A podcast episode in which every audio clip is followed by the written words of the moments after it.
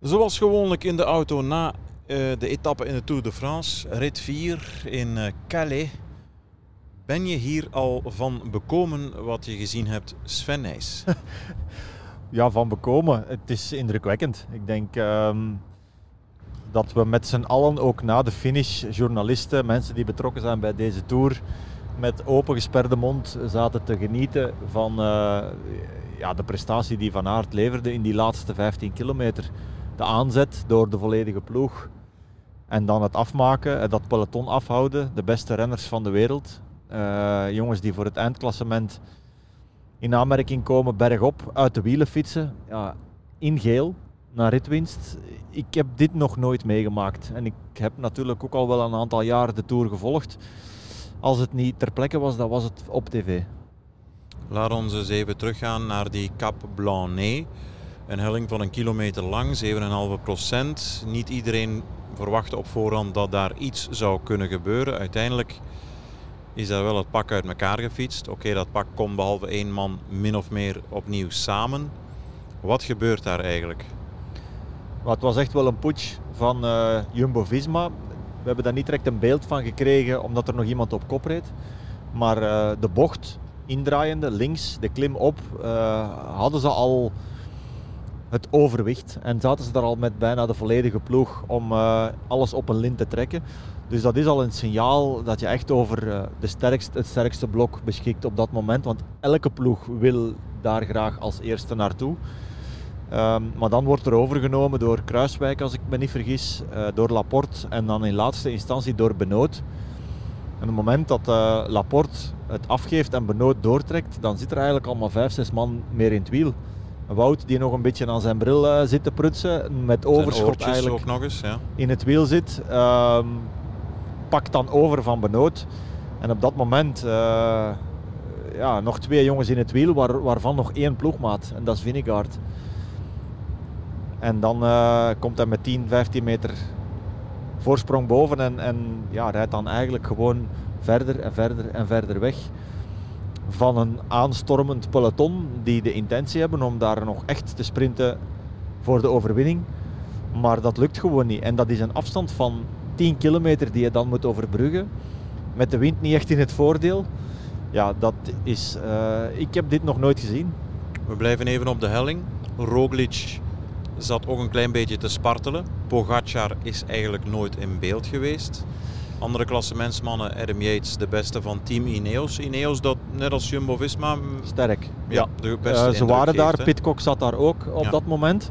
Uh, maar ook een Pitcock was niet in staat met zijn 60 kilo om op die klim het wiel te houden van, uh, van Wout van Aert.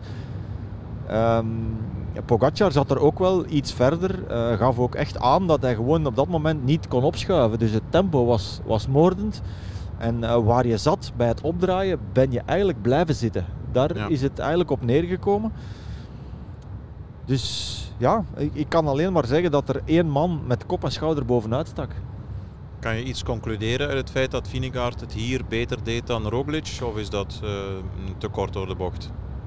Maar het is misschien toch wel een klein signaal, omdat ik in principe ervan uitga dat Roglic de meest explosieve is. Dat is in het verleden toch al wel vaak voilà. gebleken. Ja. En dat was vandaag niet zichtbaar. Het kan een, uh, een momentopname zijn, maar als het een verlengstuk is van wat we in de Dauphiné hebben gezien, gaat dat uh, zich op La Planche de Belfi nog eens herhalen. Conclusie verbinden aan Pogacar vandaag? Nee, nee. heel weinig. Uh, positie ingenomen. fietst niet rond met de intentie om deze rit te winnen, denk ik ja, een klein momentje van wakker geschud zijnde door het feit dat hij daar eigenlijk Vinegaard voor een stuk wel laat wegfietsen. Maar goed, dat is allemaal wel bij elkaar gekomen. Er is eigenlijk niks gebeurd. Wat ook wel te verwachten was. En eigenlijk als je vanmorgen aan het peloton had gevraagd, zou er iemand in staat zijn om hier alleen voor dat peloton uh, weg te fietsen, dan, dan denk ik dat uh, gewoon elke renner had gezegd, nee, denk het niet. Ja. Maar het is wel gebeurd. Even nadenken over de prestaties, de overwinningen van Van Aert. Dit jaar Parijs-Nice, uh, E3, met z'n tweeën weg, alleen binnenkomen. Heel knap, absoluut. Um, terug in het verleden, vorig jaar ja, tijdrit, uh, Mont Ventoux, zelfs sprinten. Maar dit, uh, vooral omdat het tegen een peloton is, wind op kop, 10 kilometer, een tijdrit uh, en ik blijf erbij. Met een beetje geluk was dit overwinning nummer 4 op een rij, 4 op 4. Ja. Wat zouden we dan gezegd hebben? Ja, nog grotere ogen getrokken hebben als dat we nu al doen. En, en als je dat lijstje bekijkt, dat is gewoon een, uh, een fenomenaal jaar. Waar we dan eigenlijk nog moeten zeggen dat hij heeft tegenslag gehad, dat hij corona krijgt, net voor de Ronde van Vlaanderen. want eens, anders, ja, mensen vergeten snel. Ja. Uiteindelijk was dat ook zijn hoofddoel van het voorjaar. En dan komt Parijs-Roubaix, maar natuurlijk met een verstoorde voorbereiding. Dat is helemaal anders. Um, dus wat hij momenteel aanraakt, verandert in goud. Uh, want die tweede plaatsen die hij haalt in de afgelopen dagen, dat is ook van een heel hoogstaand niveau. Absoluut, hè? Ja, we hebben het laatste van Wout van Aert ook dit jaar nog niet gezien. Het is... Het is uh... Want als uh, Twitter ontploft met um, ja, bewonderingstweets van collega-renners zelf, dan ja. weet je van dit is heel speciaal. Hè? Zeker. Uh, Daaraan, van... Dat is echt een waardemeter. Als de coureurs ja, ja. zelf zeggen van wow, wat is dit? Dan weet je van ja, dat is... Ja, we zeggen al snel, uh, er reed vandaag een brommer rond, maar het was zelfs Roglic die zei, half mens, half motor. Ja, en zo, zo, zo zag het er ook naar uit. Het, uh, iedereen die ooit op een fiets heeft gezeten, uh, om een aanstormend peloton af te houden van wereldtoppers, ja, dat is, dat is echt fenomenaal. Ik kan daar geen ander woord voor boven halen. In geel. Um, het is van uh, Freddy Maartens geleden dat we dat nog hebben, hebben meegemaakt. Dus we hebben vandaag iets gezien uh, wat we nog lang gaan herinneren. Van der Poel, waarom niet op de afspraak? Ik denk of dat een beetje een. Knalt hij, knalt hij deze vraag morgen helemaal van tafel. Hè? Ja, met Van der Poel weet je natuurlijk nooit. Maar ik denk toch dat het een, uh, een situatie is die zich nu al een aantal dagen herhaalt. En dat we meer moeten gaan kijken naar wat is er in die afgelopen maanden gebeurd. En dan moeten we zeggen de Giro, die indrukwekkend was en waar hij misschien ook wel, omdat hij zo graag in de aanval fietst, net dat tikkeltje te veel. En dat is, dat is mooi om te zien. Maar elke dag in de aanval en elke dag zoveel energie verspelen, breekt hij misschien nu wel zuur op. En nogmaals, hij kan mij morgen helemaal tegenspreken. Ja. Maar het is al niet evident om top te zijn in de Giro en top te zijn in de Ronde van Frankrijk. Daartussen is geen competitie geweest op hoogtestage. Dus ook dat zou een rol kunnen spelen dat hij nog niet helemaal de juiste benen heeft gevonden, die hoogtestage. Maar vooral ook dat heel veel energie verspelen in de Giro zou nu wel er kunnen voor zorgen dat het moeilijk is om dat, dat topje van die superconditie net niet te vinden. Zou het ook anders kunnen? Enfin, ja, de, de, komende dagen gaat het uitwijzen natuurlijk. Maar hij heeft ook in de winter veel minder gedaan dan anders. Je zou kunnen zeggen dat hij in de Giro die trainingsarbeid heeft ingehaald op een zekere manier. En daar nog eens een stage bovenop. Mm, ik had verwacht, misschien komt dat nog, dat hij uh, super zou zijn in deze ronde van Frankrijk. Jij net iets minder dan? Ja, ik had ook wel verwacht dat hij inderdaad uh, onmiddellijk ging meedoen op alle fronten. En het beloofde eigenlijk veel goeds. In de tijdrit vond ik hem zeker wel, uh, wel oké. Gaf zelf wel aan dat hij zijn waardes niet echt kon trappen. En dan in die aanloop naar die sprints had ik hem wat meer echt als echte lead-out uh, verwacht. Dat is niet direct gekomen. Geeft dan ook aan op de rustdag dat hij niet direct zijn goede benen heeft.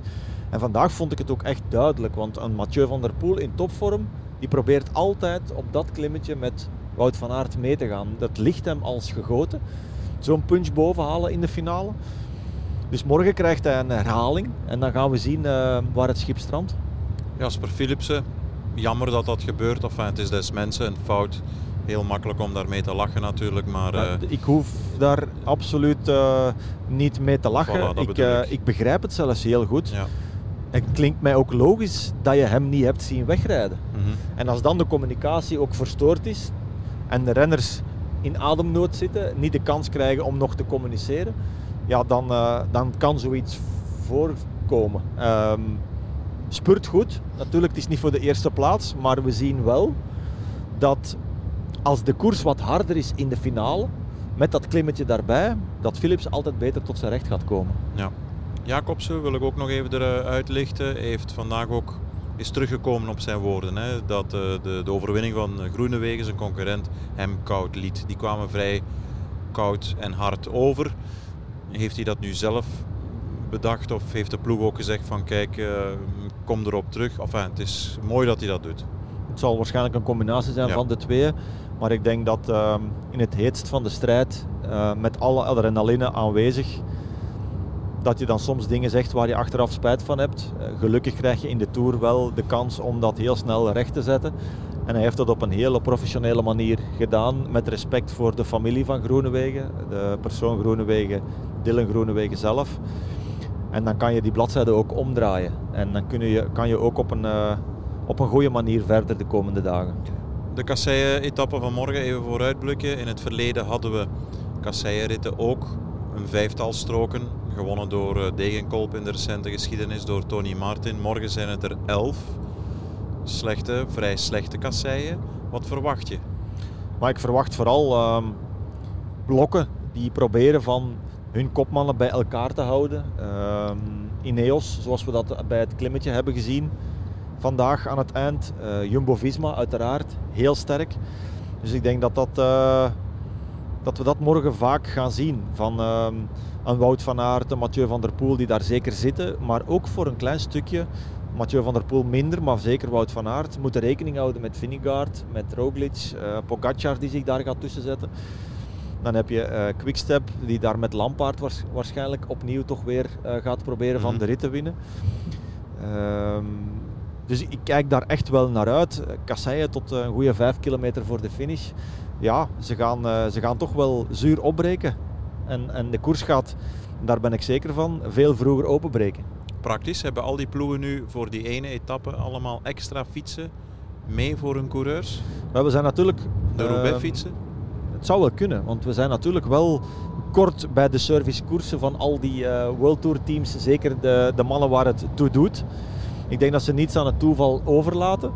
Maar vandaag de dag fietst het uh, traditionele peloton ook al met zo brede banden dat het in principe wel te doen zou zijn om met de fietsen te rijden waar ze de afgelopen dagen hebben meegereden. Ja. Maar een aantal specialisten gaan dat zeker overwegen.